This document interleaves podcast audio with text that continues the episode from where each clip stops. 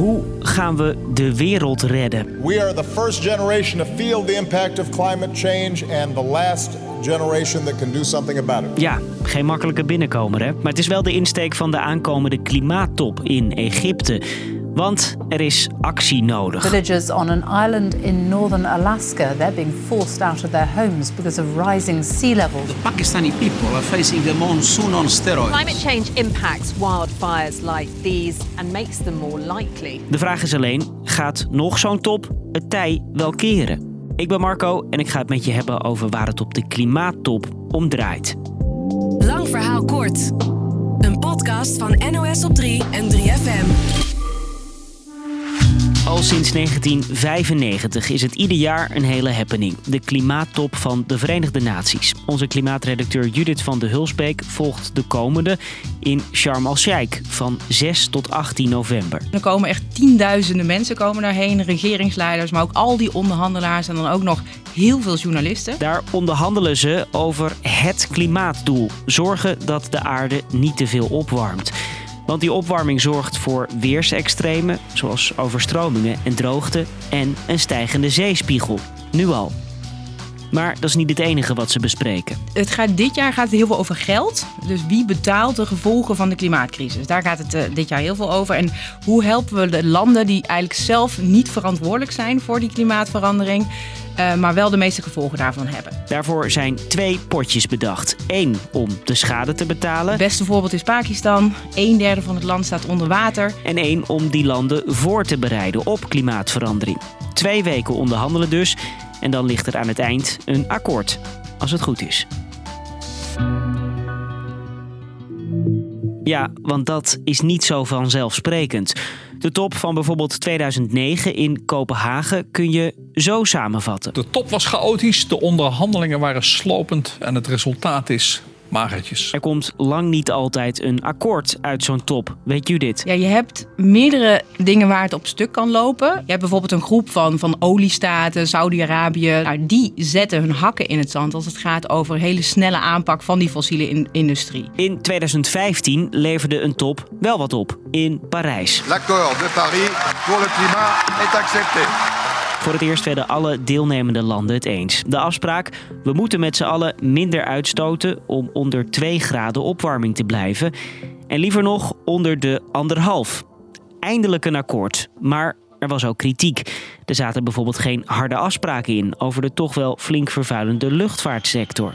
En nog belangrijker, zo'n akkoord is niet bindend. Stel dat je zegt wij doen mee, dan is het maar afwachten wat een volgende regering doet. The United States will withdraw from the Paris Climate Accord. En daar komt nog een probleem bij in de vorm van een net verschenen rapport. Als regeringen wereldwijd op dezelfde manier doorgaan als nu, dan worden de doelen van het klimaatakkoord van Parijs niet gehaald.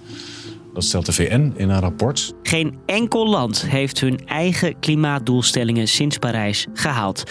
En de CO2-uitstoot neemt zelfs nog toe. Ze gaan tijdens de aankomende top dus waarschijnlijk niet lekker snel door alle agendapuntjes heen. Het moet allemaal sneller en strenger.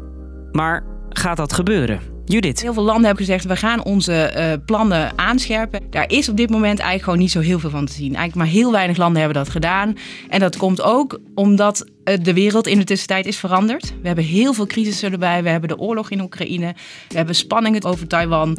Nou ja, de energiecrisis vooruit uh, uitvloeiend uit, uit de oorlog. Um, er is zoveel aan de hand op dit moment dat inderdaad van die versnelling nog niet veel te zien is. Ook is het de vraag of ze het over het geld, je weet wel, die potjes voor schade en voorbereiding, eens gaan worden. Nou, landen als bijvoorbeeld de VS, die zijn als de dood om die schuld op zich te nemen, omdat ze dan verwachten dat er enorme miljardenclaims hun kant op komen. Dus eigenlijk alle, alle uitstoters, alle grote uitstoters, die lopen daar echt op eieren. En, en, en ja, die erkenning en die, en die verantwoordelijkheid, dat, is, dat ligt zo gevoelig dat dat heel traag gaat. Je kunt je al met al misschien wel voorstellen er klinkt kritiek op de aanstaande top. Van Greta Thunberg bijvoorbeeld, de wereldberoemde Zweedse klimaatactiviste.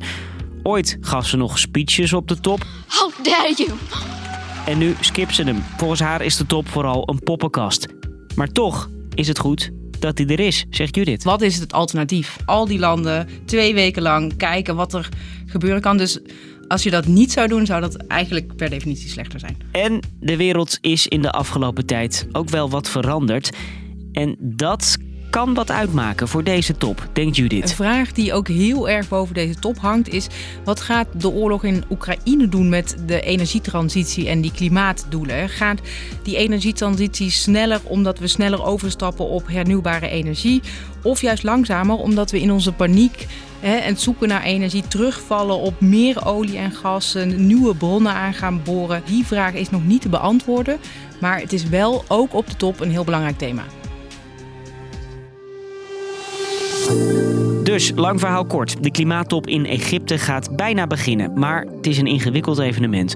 Hoewel iedereen wel zegt dat ze er wat aan willen doen, spelen er ook heel andere belangen.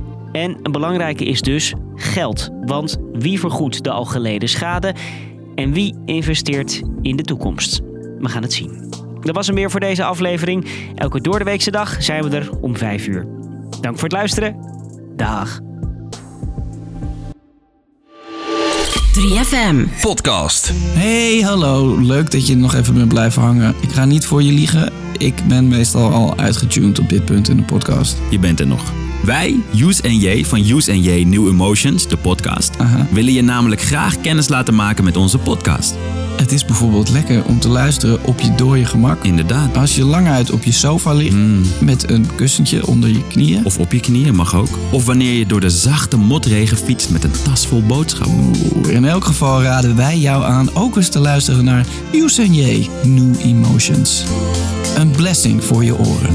Waarin Pepijn en Youssef, wij dus, praten met mensen die jij vast ook graag een keertje zou willen spreken. Zoals bijvoorbeeld Monica Geuze, Tim Hofman, Why not? Maan, Tuurlijk. Vrouwtje, Eefje de Visser, Yes. Ronnie Flex. Wij zoeken tot op de bodem uit wat zij zoal doen op een dag. Wees lief voor jezelf en luister Use, maar ook J New Emotions.